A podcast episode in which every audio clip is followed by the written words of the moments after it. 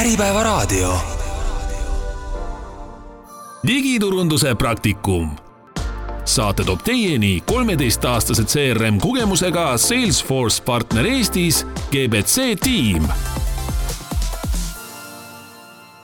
tere tulemast kuulama saadet Digiturunduse praktikum. tänases saates räägime TikTokis turundamisest, selleks oleme saatesse kutsunud sotsmeedia ja videoturunduse strateegi Jenny Tupitsa. Mina olen saatejuht Priit Kallas, tere Jenny! tere, Priit! nii, TikTok on kõige ägedam asi nüüd vist tänapäeval, et äh, kuidas äh, või kuidas sa sellega kokku puutud ja mida sa igapäevaselt teed? no mina juhin agentuuri Vivid ja me olemegi keskendunud digikanalitele ja videole.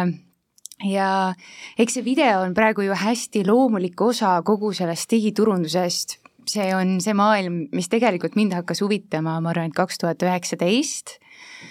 ja, ja siis äh, ja see, ja siis sel hetkel oli vist Youtube kõige kõvem äh, nagu kanal ja see oli see koht, kus ma tegin oma esimesed nii-öelda sammud, õppisin üldse tundma, kuidas Youtube'is käib seo, kogu see maailm. Ja nüüd äh, samm-sammult me oleme liikunud sinna, kus äh, mikrosisu, lühikesed videod on äh, võtnud maailma üle. Ja meil on hästi põnev seal olla, just sellepärast, et äh, me oleme eelkõige loovad ja mul on nii hea meel, et digiturundusse on tulnud hästi-hästi loov funktsioon või võimalus, kuidas turundada ennast. okei okay,, aga nii taustainfoks, et kui palju, on see teada üldse, kui palju Eestis inimesed TikTok'i kasutavad? ei, seda numbrit ei ole, TikTok ei anna sellist numbrit äh, välja, aga eks me ju näeme, et tegelikult seda sellist üldist tendentsi me näeme, et TikTok ei ole noorte inimeste või teismeliste kanal ammu enam. et äh, nii nagu kõik kanalid saavad järjest küpsemaks, siis TikTok saab ka järjest küpsemaks ja nii saab ka nende jälgijaskond järjest küpsemaks ja inimesed liiguvad järjest enam sinna platvormile üle Nonii, aga võib-olla siis võtakski selle teema niimoodi ette, et hakkaks vaatama samm-sammult, et noh, ütleme nii, et aa, et sa ei tee midagi või oled alles katsetamas, esimesi samme tegemas, et kuidas sa jõuad sellest, et sa noh, oled, kus sa oled aga siis jõuad väga hea eh, TikToki, tiktokeriks olemiseni, kas siis ise või oma brändiga, et jaa, et ähm, mm, ma võin näite tuua, kuidas me aitasime ühel brändil oma esimese aasta käivitada ja mis olid need sammud, mis me siis äh, selleks äh, läbi tegime. ja esimene samm kindlasti on see, et äh, sa pead mõtlema, kes on sinu sihtgrupp. Ja erinevatel brändidel on ju need sihtgrupid hästi erinevad. Ja sellest on ka brändide eesmärgid TikTokis hästi-hästi erinevad kui me võtame sellise võib-olla rohkem äh, laia tarbekauba või brändi, võtame jäätise või kartulikrõpsud, siis me teame, et selle tarbijaskond on hästi lai ja võib-olla nende eesmärk saabki siis olema saada hästi suur ja lai jälgijaskond endale. Meie kliendiks oli Atriumi sisustuskaubamaja, kellel on pigem niši sihtgrupp. Just selles vaates, et need on kindlad inimesed, kellele sisustus meeldib, kes on selle fännid ja kes ei osta sisustuskaupa ainult selle jaoks, et okei okay,, mul on nüüd diivan puudu või voodi läks katki või kapp läks katki või lastetuba on vaja ümber vahetada vaid need on need inimesed, kellele päriselt ka meeldib kaasa mõelda erinevate trendidega, erinevate sisustussuundadega, katsetada, mängida. nii et esimene samm, kui sa hakkad üldse TikTok'i tegema ja loomulikult sa võiksid äh, hakata nii-öelda puusalt tulistama, aga meie oleme alati seda meelt, et esimesena tee selgeks, kellega sa räägid, kes su buyer persona on, kes su ideaalklient on, just sellepärast, et me ei tee ju TikTok'i brändidele ainult fun'i pärast me teeme seda tegelikult ikkagi selleks, et toetada ärieesmärke. nii et kes on su ideaalklient, mõtle, mis ta valud on, kuidas sa teda aidata saad, mis ta huumorisoon on, mis äh, on tema jaoks naljakas ja mit, mis mitte, sest TikTokis on enamasti kaks äh, suunda sisu, mis saab hästi populaarseks ja mis töötab. esiteks see, kui sa annad uut informatsiooni, sa äh, harid inimesi või siis see, mis on naljakas nii et äh, tee need asjad selgeks, mis on just sellele persoonale huvitav, kasulik, kuidas sa saad väärtust luua ja mis ajab teda naerma, mis on tema jaoks ähm, inglisekeelne sõna, aga relatable, mis on nende, nende jaoks see koht, kus nad tunnevad iseennast ära ja kui su persona on olemas, sa oled selgeks teinud, mis ta valud on, siis sa saad ka brändina mõelda. selgeks tegite, reaalselt nagu rääkisite persona esindajatega või, või imesite pastakast välja? Seda võib täiesti erinevalt teha, oleneb loomulikult sellest, kui palju sul parasjagu ajalist ja rahalist ressurssi on, on ju, et eks persona analüüsidega saab minna väga tiipi äh,, küll aga kliendi poolt oli päris palju infot juba selle kohta, kes nende ideaalklient on, neil on ju e-pood, nad teavad oma ideaalkliendi kohta päris palju tänaseks. ja loomulikult äh, oma sõprade-tuttavatega, kes siis on selle niši fännid, sa saad nendega juttu ajada, näiteks minu õde oli parasjagu oma korterit sisustamas. ta oli täpselt see persona tüüp ja siis sa saad temaga intervjuu läbi viia, et äh, räägi, mis sulle päriselt siis nagu tänasel hetkel valu tekitab. Ja ma toon näite. näiteks ähm, tuligi välja, et äh, sisustuses on ju päris palju oste, mis on suhteliselt kallid, kui sa mõtled, et sa lähed näiteks uut kappi ostma või uut voodit ostma, kontinentaalvoodid maksavad päris, päris palju siis sel hetkel, mida kallim on toode, seda rohkem inimene vajab selle kohta informatsiooni, sest ta põeb. kas ma teen õige info, kas ma teen õige otsuse? täitsa lõpp, nagu ma panen tuhandeid eurosid magama praegu ja kui ma nüüd ei saa seda, mis on päriselt hea, siis on pekkis, on ju ja, ja see oligi see koht, kus meil oli võimalik siis äh, hüpata sisse ja mitte kirjutada kilomeetrite pikkuseid äh, blogipostitusi, vaid äh, teha lühikeses formaadis klippe sellest, et kuidas siis ühte või teist toodet võiks valida, mis on need kvaliteedistandardid, mida sa võiksid teada, et, et sa teeksid siis informeeritud otsuse.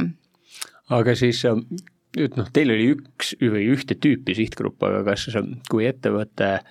noh, suurematel ettevõtetel võib olla pensionär ja, ja teenager mõlemad kliendid, eks ole, et kas kas noh, pensionär võib-olla ei ole mingi maailma kõige TikToki sõbralikum sihtgrupp, aga aga et kui sul on neid mitu, kas sa siis neid segad ühel kontol või teed erinevaid, erinevatel sihtgruppidel erinevad näiteks lausa TikToki kontod või kuidas see mõte võiks töötada? See on küsimus ju, mis tekib, ma arvan, väga paljude erinevate sotsiaalmeediakontodega üles ja miks mitte ka blogiga. Ja see ongi see koht, kus sa analüüsid läbi nii, mis on meie valik, kas meie valime teha nii, et meil on näiteks erinevad kanalid mõeldud erinevate sihtgruppide kõnetamiseks? Või me üritame neid erinevaid sihtgruppe tuua kokku ühel kanalil? Et see oleneb täiesti case by case, kui erinevad need inimesed on. Ja eks see on natukene katse-eksitamismeetod, sa võid alguses proovida mitut erinevat sihtgruppi püüda ja siis sa võid põrkuda selle vastu, et sa tegelikult ei kõnetanud mitte kumbagi. Ja noh, siis on vaja seda laeva lihtsalt ümber pöörata. Ja õnneks digis. ja see mulle meie valdkonna juures nii väga meeldibki, me saame kogu aeg tagasisidet, me saame teada, mis töötas, mis ei töötanud, see ei ole paisatud õhku äh, tänavale plakat ja meil pole õrna aimugi, kas see kõnetas või ei kõnetanud, me saame kohe tagasisidet, muidugi see tekitab näiteks TikTokis tohutut hasarti ka, kui sa nagu panustad nii palju selle video äh, edukuseks äh,, seal on nii palju eeltööd selleks, et see klipi stsenaarium saaks põnev. Äh,. kas see algus on piisavalt catchy, kas see sisu on piisavalt kiire, ma andsin ülipalju tagasisidet tiimile mulle kolleeg Juhan oli vahepeal juuksed peas püsti, sest ta oli lihtsalt nagu kas me teeme jälle selle klipi uuesti ümber ja siis, kui sa ise arvad, et see sai juba nii hea, et nüüd on küll hästi, algus on tugev, äh, see on intrigeeriv, see on põnev, see on tempokas, me valisime hea loo ja siis see saab paarsada vaatamist ja läks seekord nii, seal on. eks seal on õnne küsimus ka selles anomaaliaid on absoluutselt aga okei okay,, meil on persoonaga on enam-vähem selge, et meil on midagi paika saanud, kuidas sa sealt edasi lähed siis, kui sa oma asjadega toimetad? Ehm, üks asi, mis veel enne, kui sa oma, oma uue kanali lansseerid, siis äh, ma tahan alati hingele panna ka seda,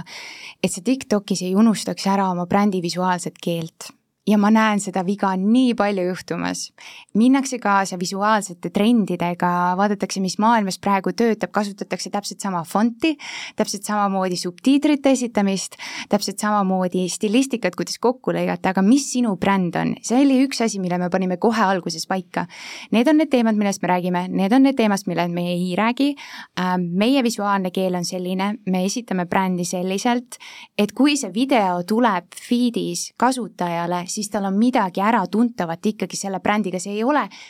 järjekordne fun video, millel on null seost su brändiga, vaid ta ikkagi kogu aeg survestab seda brändi äratundmise kohta, eks ju. Nii et äh, sa saad valida, millist fonti sa kasutad, äh, mismoodi sa võib-olla oma töötlust teed sellel videol. Mm,, sa saad valida, milline on sinu see thumbnail või e-, esimene pisipilt, mida kasutajad näevad, need on need väikesed detailid, millega sa saad oma brändi hoida seal okei okay,, aga siis äh, nüüd on meil visuaalne keel paigas ja äh, siis äh, next step et kuidas noh, ole, oletame, et keegi nüüd hakkab nullist tegema ta on teinud suht nii juhuslikult seda asja, mis, milline see järgmine samm siis on, et hakkame tegema või stsenaariume tegema või mida me tegema hakkame siis? see nüüd oleneb, mina alati soovitan alustada siis uut kanalit kampaaniaga juba sellise tiimi psühholoogilise efekti mõttes, et ärme hakka kuskil põlve otsast asjakesi tegema, vaid võtame ennast nüüd kõik koos kokku ja teeme selle äh, ägeda avapaugu ära ja samamoodi meie tegime siis ka oma kliendile kampaania ja strateegia oli see, et me kasutame võimalikult palju olemasolevat ressurssi selleks, et siis käivitada uut kanalit. mis see tähendab? see tähendab seda, et äh, me lõime kampaania teistes kanalites, kus neil juba kogukond olemas oli ähm, Instagramis, nende uudiskirjas, nende kodulehel, ähm, kui ma ei eksi, siis poes ka. Ja me teavitasime, et kutsusime üles oma kogukonda siis äh, meid jälgima TikTokis. Ja siis loomulikult sa pead andma mingi kommi ka, et päris niisama sa ei saa ju inimesi digikanalites ennast liigutama, sa pead alati midagi neile vastu andma. ja nii me siis jagasime kinkekaarte. Kas see kampaania töötas, jah või ei? ausalt öeldes mul tänaseks ei ole väga tugevat tunnet, et äh, see oli, et nüüd kõik peaksidki nii tegema ja see ongi way to go. seal kindlasti oleks asju, mida ma seekord teeksin teistmoodi. Mm, see, kas teistest kanalitest liiguvad äh, kasutajad üle uuele kanalile, on niisugune fifty-fifty see on ainult siis, kui sellel kasutajal, kes näeb seda üleskutset näiteks Instagramis, on juba TikToki konto olemas. aga mitte kunagi sa ei saa seda kasutajat, kellel TikToki veel ei ole, teda TikToki liituma lihtsalt sinu pärast et kindlasti mängis see rolli, miks see alguse nii-öelda kurv ei olnud nii kõrge no seal tehniliselt võttes on see, et lõppkokkuvõttes, kui ta ju liitub, siis ta liitub millegi pärast. ja see, kelle video pärast ta liitub, seda põhimõtteliselt sai siis tegema konto sellepärast, et tal oli vaja midagi vaadata või mingi asi tuli, oli tema jaoks väga huvitav, eks ole. et noh, kas see on mööblivideo või noh, mingi brändi, brändivideo, see on iseküsimus, et tõenäoliselt enamasti kipub see olema midagi sellist noh, sellist kassivideo tüüpi asja võib-olla, jah. jaa, miks mitte aga meil jäi vist äh, jutt selle koha peal pooleli, et mida ma teinekord teistmoodi teeksin, et ma kindlasti ma näen praegu hästi paljusid kontosid väga kiiresti alguses kasvamas ähm, selliste nagu loosimängudega ja teistest äh, sotsiaalmeediakanalitest me ju teame, et nendega ol, ollaksegi harjutud äh, kanaleid kasvatama. ma arvan, et ma ühe loosimängu sinna algusesse tõstaksin, küll aga olenevalt brändist siis ma ei läheks liiga hulluks nendega, et see see ei too väga kvaliteetset jälgijaskonda, sa võid seda teha üle natukese aja. näiteks teed alguses, teed poole aasta pärast, see on minu isiklik äh, soovitus alati, et ja, võib selle, ka teistmoodi. selleks, et alguses käima saada või noh, võib ka tõmmata natuke neid, kes ei ole kõige kvaliteetsem kasutaja, et noh, hoog sisse saada. aga eh, muidu jah, et see on teatav tüüp inimesi, kes mängib kõiki tarbijamänge, eks. et need võib-olla alati, äkki neil ei olegi raha, nad ainuke meetod, kuidas asju saada, ta ongi tarbijamäng, eks. aga olgu, et äh, siis, äh, aga mis sul olid veel sellised asjad, mis sa täna kuidagi ümber teeksid või paremini teeksid? jaa esimene asi on kindlasti see, et ma tooksin esimesed videod kindlasti peavad kohe olema niimoodi, et inimene vaatab sulle otsa ja räägib. Need videod lihtsalt töötavad nii palju paremini. Ähm, jah, sisekujunduses äh, on ka fine näidata ilusaid sisekujundusi, ilusaid tooteid, aga sa ei võida Tiktokis nende videotega võisteldes, kus on inimene päriselt räägib. see on esimene asi ja, ja isegi kui sa ei saa, siis kohe alguses endale sellist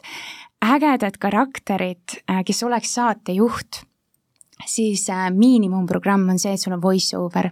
et kui sa voice over'it ei salvesta, no siis sa teed juba tõesti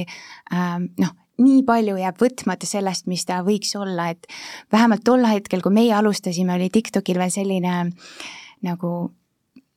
algoritmi sisse kirjutatud selline nagu boost kõigile, kes alguses alustasid, nii et kui sa oma esimese video postitad, see saab suht palju näitamisi. nii et kasuta see ära, tee see võimalikult hea, sest et TikTok toetab sind sel hetkel ja anna siis enda poolt ka kõik selleks, et, et see töötaks võimalikult hästi ma küsin veel igaks juhuks täpsustuseks üle, et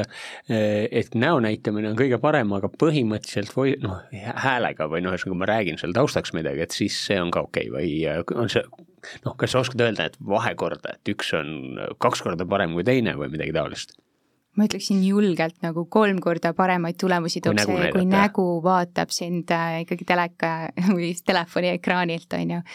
et mulle meeldib TikTokist mõelda, et edukaks saavad need kanalid või need kontod, kes päriselt mõtlevad enda kontost kui telesaatest. sul on karismaatiline saatejuht, äh, sa kogu aeg mõtled, mis võiks olla huvitav sinu jälgijatele, sa adud seda, et sinu saade on ainult üks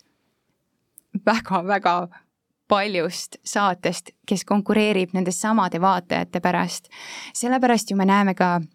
kui me vaatame Eesti äh, kontosid, kellel läheb hästi, nad teevad challenge eid näiteks oma saatejuhtide vahel, sest seda on meelelahutuslik vaadata ja, ja tegelikult miks mitte vaata telesaateid ja võta sealt nippe, mida teha Tiktokis. sa pead lihtsalt seda kõike kiirendama, tegema väga palju kiiremini, lühemini, tempokamalt, aga need võtted ju inimesi huvitavad, needsamad asjad mm, nii, aga siis kuidas teil oli kohe inimene olemas või ei olnud? ei olnud ja äh, see, see on võib-olla selline kolmas asi, mida ma teeksin teistmoodi. et ähm, me värbasime, me tegime kampaania äh, kuskil ma arvan, et me olime pool aastat nendega koostööd teinud ja siis me tegime kampaania värbamaks brändisaadikud äh,, sisuloojad sinna kontole, et sellel kontol ei oleks ainult sisu, mil, mis tuleb brändi enda poolt, vaid et kui me lõime juba kogukonna inimestele, kes fännavad sisekujundust, et siis ka selle kogukonna enda liikmed saaksid päriselt äh, luua sinna videoid juurde ja see oleks nende nägu ja see oleks päriselt selline community. ja ja sel hetkel, kui me siis tõime need inimesed pardale, sellega tuli nii palju inimlikkust juurde, sellega tuli nii palju sellist loomulikkust juurde, me saime nende inimeste kodusid näidata, see lõi see suhestumine nii palju parem, et kindlasti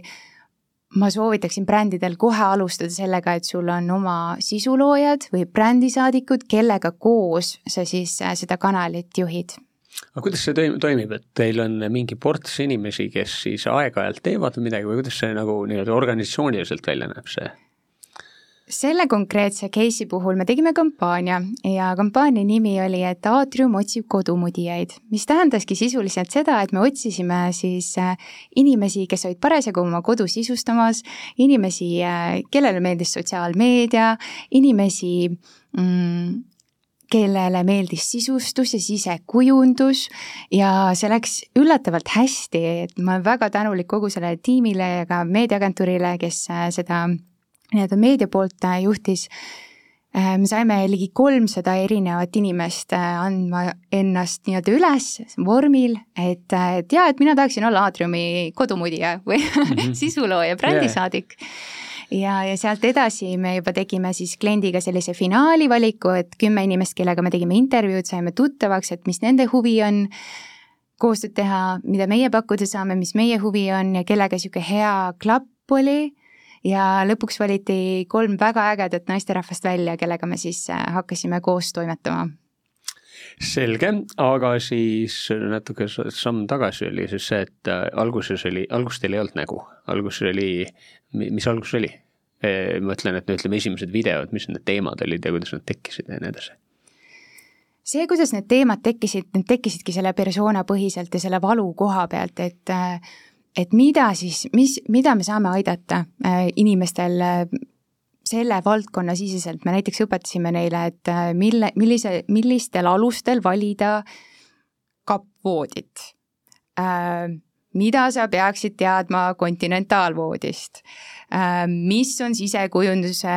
reegel, ma ei tea, kolmnurga reegel näiteks, et me õpetasime selliseid äh, nippe ja trikke, millest mõned töötasid väga hästi, mõned klipid said väga palju vaatamisi, näiteks äh, kuidas valida diivanikatet, on ju ja siis äh, teinekord, kui me tegime klipi sellest, kus me panime kutsika ja diivanid, siis ei töötanud, on ju, et, et see on jällegi TikToki võlu, et nagu sa võid teha kõik oma parima. Ja need parimad praktikad, et noh, näita kutsikat ja kõik töötab, see ei tööta alati aga selles mõttes, kui nüüd noh, alguses sa ei tea, eks, aga et kui sa pärast tagasi vaatad, kas on, kujuneb välja midagi, mis see noh, mitte nüüd lihtsalt see, noh, nägu, mitte nägu, aga ütleme, et teil on, et tead, et kui te räägite vooditest, siis kipub nagu töötama paremini, kui te räägite noh, näitlikult kappidest või mida iganes, et kas see, kas see kujuneb välja või see on suht juhuslik, kuidas sellega on? Kaks poolt, äh, ühelt poolt kujuneb välja ikka, me näiteks teadsime, et alati, kui on toode, mis on kuidagi liigutatav, kokku pandav, lahtivõetav, siis see töötab. inimestele see visuaalselt väga meeldis, oligi näiteks kappvoodi või siis äh, tasakaalutool äh, ka selline põnev asi, mis liigub, eks ju, et nii kui sa said midagi avada, kokku panna, see muutus millekski uueks, siis see töötas. Äh, ja teiselt poolt TikTokis sul jääb alati see katsetamine sa pead olema seal TikToki kanali sees, vaatama, mida teised teevad, saama sealt inspiratsiooni, see oli osa meie protsessist isegi, et kõik tiimiliikmed, neil oli enda TikToki kasutaja all konto brändi nimega, kuhu sa siis salvestasid midagigi, mis võiks äh, anda inspiratsiooni või mida annaks teisendada meie konteksti et siis äh, see on ka hästi oluline kindlasti, et sa oled ise seal kohapeal ja et sa julged katsetada ka, julged tulla kaasa ja julged proovida, et kas, kas see meie jaoks töötaks või mitte, muidugi seal on niisugune fine line, et kõikide trendidega iga bränd kaasa ei saa minna, et see on vaja ikkagi enda jaoks selgeks teha, et kus on meie brändi väärtustega, me lähme konflikti ja millist nalja me kaasa ei tee. üldiselt aga väga paljud ähm, äh, trendid on kaasatehtavad, sa pead lihtsalt kiire olema ja kaasa hüppama, nii et äh, see on kindlasti asi ka, mida teha. Ja mis puudutab seda, et, et alguses ei olnud inimest, siis sel hetkel, kui me tõime veel pilti aatriumi enda inimesed, äh, see on natukene niisugune employer branding'u aspekt ka,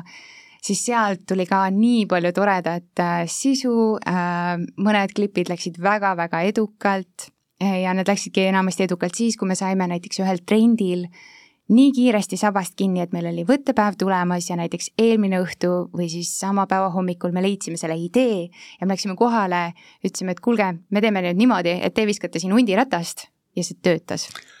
enne me jäime pooleli selle koha peale, kus sa ütlesid, et te kasutasite oma töötajaid. kas see oli, millal te seda tegema hakkasite, et sa ütlesid, et alguses olite ilma nägudeta ja siis kuidas need oma töötajad mängu jõudsid? ma arvan, et sinna läks ikka selline paar kuud aega, et äh, kõigepealt äh, sul on äh, vaja ju kes on kliendi poolel sinu kontakte ära rääkida, et jaa, et nüüd me hakkame niimoodi tegema, et me tahaksime teie enda inimesi kasutada. ja siis on seal ju majas sees tekib ka protsess ja see ei ole nii harjumuspärane. millest ma alati räägin oma klientidele, on see, et te olete harjunud sellega, et teil on meediatreeningud ja Äh, inimesed, kes esindavad teie ettevõtet meedias. nüüd tänases ajastus on aeg, et meediatreening kasutab ära ka sotsiaalmeedia võimalused, ehk siis TikTokis esinemine, Instagram Reelsides, Facebook Live'ides on elementaarne osa väliskommunikatsioonist ja peaks olema elementaarne osa ähm, meediatreeningust. küll aga me ei ole veel tihtipeale seal, usun, et kindlasti Eestis võib olla brände, kes juba on seal, aga paljud veel ei ole harjunud selle mõttega,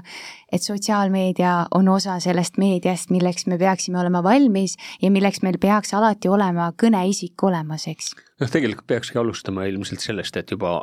alguses mõtled, et sul hakkavad seal oma inimesed olema tõenäoliselt jah, ja selles mõttes ma üldse, see, et sa ütled, et inimese nägu peab olema ja see, see on kõik väga, väga loogiline, aga lihtsalt, et, et see nägu võib olla mõni oma töötaja, või noh, nagu te tegite, keegi, kes kampaaniaga leidus, aga oma töötaja, kui ta on treenitud, saab aru, siis võiks olla ju hea lahendus, jah ja, ja, ja need klipid lähevad teil kindlasti kiiremini käima ja ma arvan, et see edu tuleb ka palju kiiremini kui lihtsalt noh, isegi kui sul on väga ilusad tooted ja sa võiksid nendest toodetest nii ja naa ja kolmandat pidi neid näidata, siis see mitte kunagi ei võida seda, et sul on saatejuht. nii et mõtle selle peale. Selge, nii, aga teine pool oli see, et äh, trendidega kaasas käimine, et et äh, ma saan aru, et aeg-ajalt tekivad mingid tähtsad või noh, mingid, mingid värgid, mida, mida jälgida või mille moodi olla või mida teha ja siis korra on see laine käib üle ja siis see on läinud. sa ütlesid, et mingitel asjadel olete saanud no, napilt sabast kinni, räägi mõne sõnaga sellest ka. kui ma proovin nüüd ühte trendi selgitada, et mis see endast kujutab, siis tegelikult enamasti need on sellised humoorikad klipid, äh, humoorikad lühisketšid mida siis äh, keegi on hakanud kuskil tegema, see on olnud tohutult naljakas ja siis äh, erinevad teised sisuloojad, kontod ja brändid panevad sellesama nalja enda konteksti ja teevad seda järgi justkui. ja, ja sealt tekibki selline nii-öelda nali naljas äh, efekt, mida inimesed juba tegelikult teadlikult ootavad TikTokist, sest see on osa sellest kogukonnast ja sellest platvormist. nii et sellega on jah see, et nende, selleks, et olla edukas nende trendide peal sõitmises, on vaja hästi kiiresti reageerida, on vaja ise kasutada tõesti seda platvormi, et teada, mis praegu toimub, toimib. Ja et kui sul on võttepäev tulemas, siis veel eelmisel õhtul ja samal hommikul vaadata, et kas on midagi, mida me saaksime nii-öelda juurde surada sellesse võttepäeva, et see trend kohe ära teha ja siis enda nii-öelda klippide sekka ka saada aga siis äh, niisugune igapäevatöö, et noh, ütleme, kui sa oled enam-vähem asjad käima saanud ja midagi juba tiksub, et äh, kuidas, äh, kuidas see kogu aeg käimas hoida ja kuidas see sõidab niimoodi, et kõik noh, kõik on paigas ja kõik, kõik, kõik liigub õige kiirusega õigel ajal ja nii edasi, et millised need igapäevatöö sammud on? ma saan näite tuua meie enda protsessist, et nagu ma ennist ütlesin ka, me kõik äh, tegeleme sellega, et olla kursis, mis platvormil üldse praegu toimub ja, ja kui meil on äh, kliendid, siis kliendi nii-öelda väikesesse äpi sisesesse kausta äh, salvestada ära mõni klipp, mis inspireerib. üldiselt aga nii nagu iga sisuloome, see algabki uurimistööst, et äh, mida me võiksime üldse kas järgmise kahe nädala või nelja nädala jooksul siis äh, välja panna, mida me võiksime toota ja siis meie sotsiaalmeedia spetsialist tegi sellise nimekirja ideedest, et mis on need järgmised kaheksa või kuusteist või mis iganes number klippe, mis me võiksime teha. ma igaks juhuks küsin selle veel täpselt, et on parem aru saada, et kui me räägime neljast nädalast, siis eh, mitu korda nädalas? No meie tegime selline kaks-kolm korda nädalas okay., et äh, see kõik oleneb ju ressurssidest, sa võid kaks-kolm korda päevas ka postitada ja ma arvan, et. no pigem ma küsin selle val-, selles valguses, et kui palju on nagu liiga vähe kui palju on liiga vähe? ja noh, selles mõttes, eks, et kui me teeme korra kuus, siis tõenäoliselt see asi ei hakka kunagi sõitma, eks ole. ja kord et, nädalas et... ka kindlasti mitte ja see on võib-olla ka üks nipp, mida alustamisel kõrva taha panna, et tegelikult esimesed, esimene nädal sa võiksid isegi iga päev teha. just selle jaoks, et sa õpiksid kiiremini, sest et sul ei ole veel mitte mingit ajaloolist statistikat, mis sellele kogukonnale meeldib, mida kiiremini sa alguses saad aru, millised teemad töötavad ja millised mitte, siis äh, seda kiiremini see edu tuleb ka, ehk siis, et kui sa algusesse paned näiteks kampaania ja selle osa on ka spurt, et esimese seitsme päevaga me kütame iga nädal või iga päev ühe klipi laivi, siis äh, see võib kindlasti sind aidata sel hetkel ja no nii, inimestele, kellele numbrid meeldivad, ütleme, et äh, minimaalselt kaks korda nädalas, aga ütleme, iga päev on ka täitsa okei okay,, jah? jah, täpselt nii. selge, aga siis lähme selle protsessi juurde tagasi, et äh, sa ütled kaks kuni kolm nädalat või kaks kuni neli nädalat plaanid ette seda, jah? just, et see oli lihtsalt äh, selline efektiivne viis äh, toimetamaks, loomulikult kui sul on selline tiim ja selline võimekus ja selline ressursside võimekus, et sa saad iga päev mõelda ideid ja iga päev filmida, loomulikult seda relevantsem sa nendele trendidele oled ja seda kiiremini sa kasvad nojah, aga ikkagi lõppkokkuvõttes ilmselt on enamasti meil ikkagi ettevõttes tehakse mitut erinevat tööd, eks ole, ja siis sa põhimõtteliselt teed mõne päevaga siis valmis, ütleme suurusjärgus kuu jagu sisu, jah? Lähme sinna protsessi juurde okay. tagasi, et äh, siis äh, kõigepealt, kui see uurimistöö ja esimene klippide list on äh, nii-öelda ideede list on valmis, siis me majas sees või oma tiimiga siis hindasime, et kas need on head või halvad, mis välja, mis vahetada. ja pärast seda, kui meie siis olime üle käinud, et, et okei okay,, need on need, ma ei tea, noh, ütleme kaheksa klippi, mida me siis kliendile esitleme ja siis klient äh, andis tagasisidet nii-öelda, me nimetasime seda toimetuse koosolekuks, äh, sellepärast et me põhimõtteliselt ju esitlesime ideid, et oo oh,, kuidas sulle see tundub, et minu meelest võiks niimoodi teha, minu meelest võiks see töötada. et äh, selline klippide ideede ähm, hindamine käis, sest et idee müüb kõige rohkem või idee töötab. kui sul ei ole ideed, siis see klipp ei tööta ka, ükskõik kui ilusa klipi sa see teed, kui palju sa sinna tehniliselt paned alla aega ja jaksu, siis kui idee on halb, siis ei tööta ja, ja siis pärast seda, kui meil olid ideed paigas, et okei okay,, need kaheksa klippi, siis äh, tuligi juba sisendi kogumine, sest et päris palju oli meil sellist, olid nagu harivat educational sisu, mille jaoks oli siis vaja leida mingeid allikaid, et mida me siis päriselt ütleme, oli vaja selgeks teha, milliseid tooteid me näitame. Ja sealt edasi juba on vaja selgeks teha, et okei okay,, kus me filmime ja siis me läksime lokatsiooni umbes äh, kaks päeva enne päris võttepäeva, me käisime lokatsioonis, vaatasime need kohad üle, et aa, okei okay,, selline toode, okei okay,, sellise suurusega, okei okay,, siit tuleb valgus, siit äh, häirib see asi, selle võtame no, ära. lokatsioon seal, ütleme, mööbli puhul oli nende enda äh, pood põhimõtteliselt, jah? Just täpselt, aga, aga ka mis iganes teine toode või teenus, et sa pead ikkagi tegema selgeks, et kas seal kuidagi heli kajab või mis seal üldse olemas on, on ju, et millega me töötame või et kui me näitame mingeid tooteid, mingeid objekte, siis millised nad välja näevad ja, ja kuidas mm. meil neid hea oleks filmida. ja siis tuligi juba võte, äh, pärast seda me kirjutasime, kui olid sellised mm, mustandklipid kokku lõigatud kirjutasime tekstid ehk siis ekraanigraafika, aga ka voice over'i aga me enne, kui me räägime sellest äh, voice over'ist ja copy'st, et äh, kui see, ütleme, stsenaarium või noh, esimene plaan enne filmimist, eks. kui skriptitud ta on selles mõttes, et kas, kas sa põhimõtteliselt loed ta maha nii-öelda või noh, õpid pähe ja etled või, või on ta lihtsalt, et mul on noh, punktid, millest rääkida ja siis ma räägin sellest siis nii-öelda vabas voolus, nagu tuleb? see oleneb nüüd äh, saatejuhist, nii nagu igas teiseski saates, eks ju. aga hästi oluline on see, et äh, skriptitud või kirjutatud ette on klipi kõige esimene algus. see peab olema nii visuaalselt selge, et kui meil ei ole inimest, kui meil on inimene, siis tekstiliselt väga selge, sest esimesed kaks sekundit loevad selles mõttes, et kas see klipp saab edukaks või mitte. ja sa ei saa jääda seal sissejuhatust tegema, sa pead olema väga konkreetne, intrigeeriv, kiire, põnev, sest see on see hetk, kus inimesed otsustavad, et kas nad scroll ivad edasi või nad vaatavad su klippi. sellisel juhul, et kui pikk see, ütleme, see intro jupp, hukk võiks olla? No kahe sekundiga inimesed otsustavad ära, et kas nad vaatavad või mitte, eks ju. et esimesed kaks sõna peavad olema sul juba nii intrigeerivad või seal peab käima mingi plahvatus või pauk, eks ju. selge, aga siis äh, nii äh,, skripti osas on selge, location äh,, aga siis see copy üldse, et kes seda kirjutab,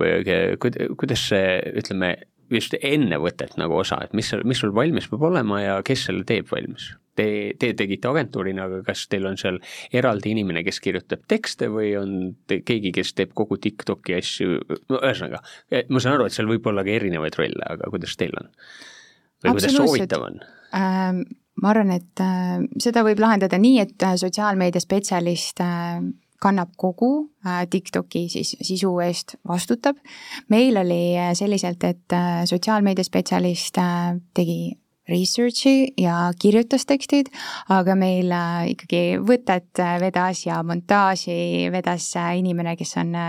videotaustaga, et see oli, tegi lihtsalt selle protsessi nii palju efektiivsemaks ja kvaliteetsemaks ka.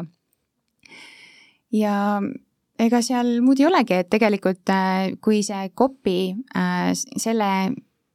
Äh, mõttega kirjutada, et su algus on hästi tugev, siis keskel annad selle kohta infot pikemalt ja lõppu lisad call to action'i, siis sul ongi see valem käes, kuidas TikToki videot üles ehitada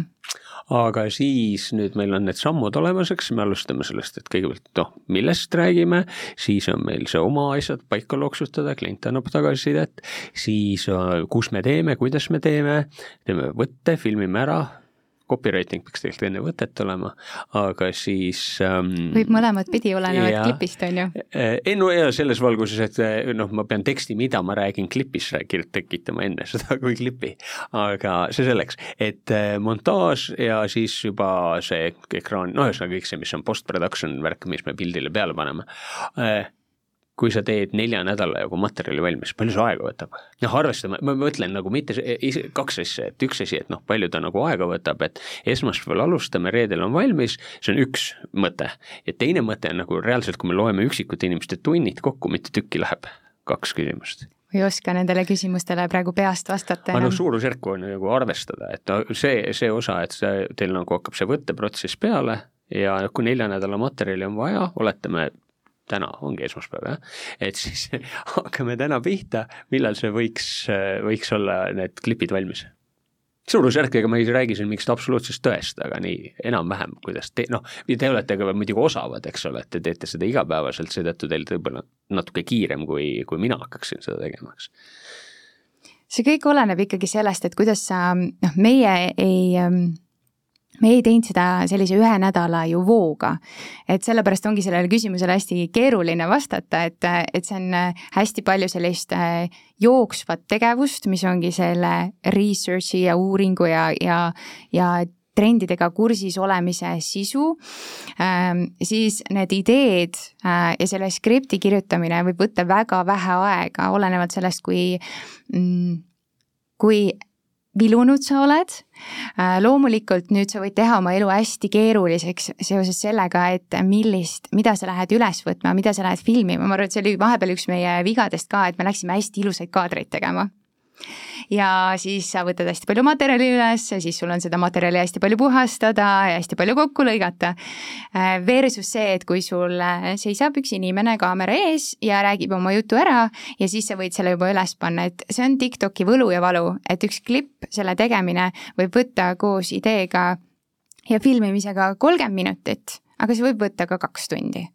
et see võib olla täiesti seinast seina ja nii nagu videotes, noh, me räägime ju, me teame ka mis iganes telereklaami filmimises on täpselt see samamoodi, et et sa pead lihtsalt panema mingid raamid ette, mis on sinu jaoks mõistlik ja meie tiimina samamoodi ma tegelikult äh, teatud kohtades lasin ikkagi lõdvaks, et sa ei, sa ei,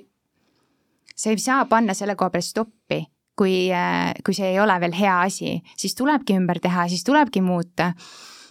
ja teinekord see sai nipsust paika, sest et see oligi lihtsalt nii hea idee, sai hea teostus ja kohe oligi olemas. ja kolmas kord sa teed ümber neid ekraanigraafikaid, sa teed ümber seda voice over'it, see lihtsalt ei hakka millegipärast tööle.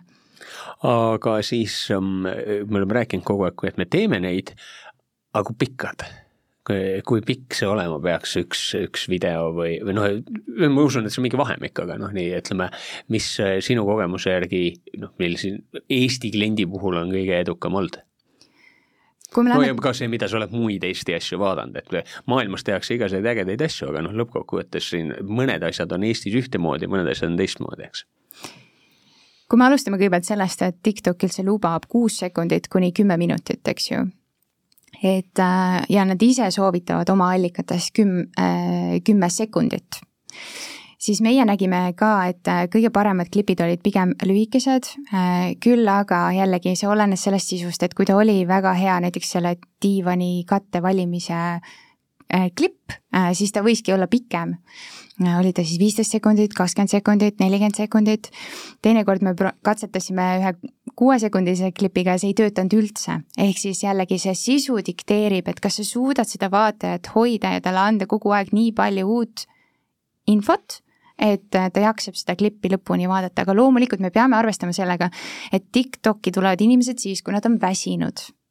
Nad ei taha süveneda. Nad tahavad saada kerget informatsiooni ja, ja nad tahavad, et iga sekundi tagant toimuks midagi, mis nende pilku haarab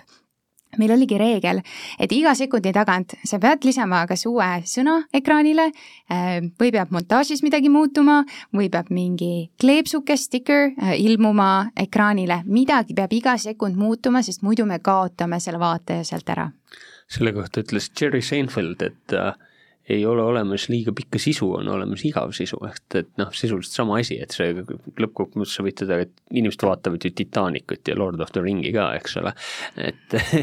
aga e, siis pikkus siis ütleme ikkagi kuskil kümme, mõniteist mingi selline on nagu kõige tavalisem ja kui õnnestub, siis mõnikord venitab paarikümne sekundi peale, nii jah? jah, see oli meie kogemus okei okay.. ma tahaksin veel siia juurde ja. mainida kindlasti seda, et kui me räägime siis äh, ekraanigraafikast ja me räägime tekstidest, subtiitritest, mis sa tekst äh,, ekraanile paned, siis esiteks, need on hästi olulised, ära jäta neid ära. teiseks, arvesta sellega, et TikTokis äh, selline ingliskeelne sõna nagu safe zone ehk turvaline ala, kus mitte ühtegi teist nii-öelda äpisisest nuppu ei ole, on tegelikult ekstreemselt väike see on seal keskel, see on umbes ruudusuurune ja see ei ole su terve telefoni ekraan. ja seda viga tehakse nii palju, et need ekraanigraafikud pannakse kuhugi ekra... mingi elemendi taha. täiesti alla või väga kõrgele ja siis nad jäävad kõikide elementide taha, et see oli ka kindlasti midagi, mida me avastasime, et me peame järjest kokkupoole, kokkupoole, kokkupoole neid elemente tooma ja see oli üks esimene asi, mida ma avastasin kuidagi üliammu äh, Facebooki kaanepildi puhul, et kuna osa asju läksid seal, ja siis oli veel, et mobiil, noh, TikTok on valdavalt mobiilis, aga, aga et see oli, mobiilis oli ühtemoodi ja arvutis oli teistmoodi, siis sa pidid vaatama, et ta mõlemas oleks näha, eks ole. ja see on selline asi jah, et kuna ma olen ise ka väga visuaalne inimene, siis ma alati vaatan, kuidas nad nii tegid, et kas nad ise ei vaata oma asju, eks, et jaa, absoluutselt. Ja võib-olla veel kolmas asi selle, mis puudutab ekraanigraafikat äh, ja mida meie ka õppisime, meil oleks muidugi tohutult mugav panna kõik subtiitrid juba videotöötlustööriistas peale, sest et me oleme selles kiired ja me saaksime väga efektiivselt asjad tehtud, aga TikToki huvi on, et need videod ja see content, mis seal on, oleks võimalikult orgaaniline, see oleks võimalikult selline, mida need kasutajad seal juba ootavad. Ja mõned signaalid, mis äh, nii-öelda TikToki algoritmile näitavad, et see video on orgaaniline, ta on sellele platvormile kohane, on see, et selles videos on kasutatud tööriistu, mida see äpp ise pakub näiteks subtiitrid, mis sest, et see on tüütu, mis sest, et see on aeglane ja ebaefektiivne, pane äpisisese tööriistaga peale. et see annab jällegi signaali, et see video on loodud just nimelt TikToki jaoks, see on loodud selle kogukonna jaoks ja see on orgaaniline selles keskkonnas nii, aga siis äh, kuidas, ütleme, nüüd on meil videod valmis ja jõuamegi selle nagu selle postitamise, selle osa, mille sa just lahti tegid, aga et äh, kas ja kuidas see käib, kas sa ise oma telefonis paned, kes paneb, kuidas paneb ja nii edasi ja nii edasi, et kuidas see nii-öelda lõpuks avalikuks saab ja, ja inimesteni jõuab? Jah, kõige lihtsamal viisil äh, sa airdrop'id oma arvutist selle klipi oma telefoni ja, ja siis sa mm, lisadki selle ekraanigraafika äh, äpisiseselt, eks. tegelikult veel kõige parem ja oleks siis vajutad publish? jah, paned, kirjutad caption'i juurde, paned hashtag'i, on ju, caption'i ehk siis, siis selle tekst, mis saadab seda videot, paned hashtag'id juurde ja siis ta läheb publish'isse siis äh, nüüd on klipid jooksevad, äge värk um,. kuidas me tulemusi mõõdame, ma saan aru, et on olemas, eks ole, et saab kommenteerida, like ida ja siis saab noh, vaatamise arvu üle mõõta. E, see on, e, kas seal on mingid suhtarvud või on seal midagi vaja tähele panna? meie tegime elu äh, võimalikult lihtsaks selles vaates, et me saaksime ajalooliselt hästi suurt pilti vaadata ja tegime ühe Exceli tabeli, kus oli iga kuu tulemused, sest et niimoodi saad võrrelda üht kuud teise kuuga ja sul ei ole presentatsioonid mööda arvutit laiali ja, ja me valisime välja sealt sellised põhinäitajad, millel hoida silma peal, et mitte hulluks minna. loomulikult hullult põnev on iga video puhul võtta see statistika lahti, sa saad igat videot vaadata väga konkreetselt, et mis see watch time on, et mitu protsenti seda videot siis lõpuni vaadati, mõnikord see on väga kurb, see tulemus ja mõnikord see pani naeratama. Aga kui me tuleme selle tabeli juurde tagasi, siis äh, me vaatasime, kui palju video vaatamisi oli kuu aja jooksul kokku Äh, me vaatasime, kui palju on profiili vaatamisi, sellepärast et see on indikatsioon, et kui keegi nägi sinu videot. et ja, profiilist ta teoreetiliselt saab kuhugi sinu juurde edasi tulla. ja ta sealt video pealt klikkis edasi sinu profiili vaatama, järelikult see oli nii põnev ta jaoks, et ta tahtis teada, mis sul veel pakkuda on siis me vaatasime kindlasti, et kas äh, jälgijaid on tulnud juurde või neid on lahkunud et äh, kui sa näiteks peaksid selle oma loosikampaania tegema ja tohutult palju inimesi lahkub, nii või naa neid lahkub, aga kui see on ikkagi ebaproportsionaalselt palju, siis äh, võib-olla peaks kaaluma, et kas ikka teha seda loosimist või vaadata, et kas sa saad kuidagi rohkem enda target gruppi kätte sellega. Ja kindlasti siis sellised klassikalised näitajad nagu likeide arv, kommentaaride arv, jagamiste arv ja miks mitte ka salvestuste arv, eriti kui sa teedki harivat sisu, siis kui su video saab palju salvestusi, siis tegelikult teda paisati ka väga paljudele inimestele laiali, pluss sinu bränd jääb kontakti selle kasutajaga, kui tore see veel on? nii, aga hakkame nüüd vaikselt otsa kokku tõmbama. Äh, on sul veel mingi tõde või hea mõte öelda, mida kuulaja võiksid endale kaasa võtta? ma arvan, et viimase asjana ma ütlengi seda, et äh, igat klippi hakka ideestama sellest, et mis saab selle klipi hukiks. ehk mis on selle klipi esimesed paar sõna, mis on selle klipi intrigeeriv osa, ehk siis hakka nii-öelda pealkirjast peale ja siis mõtle sinna sisu juurde. no nii, aitäh, Jenny! täna rääkisime TikTokist sellega täna lõpetame, aitäh kuulamast saadet Digiturunduse praktikum, kus täna oli külas sotsmeedia ja videoturunduse strateeg Jenny Tupits. saade on järelkuulatav bestmarketing.ee veebis ja Äripäeva raadiokeskkonnas raadio.aripae.ee. mina olen Priit Kallas ning kuulake meid jälle nelja nädala pärast ja turundusuudiseid lugege bestmarketing.ee, kuulmiseni!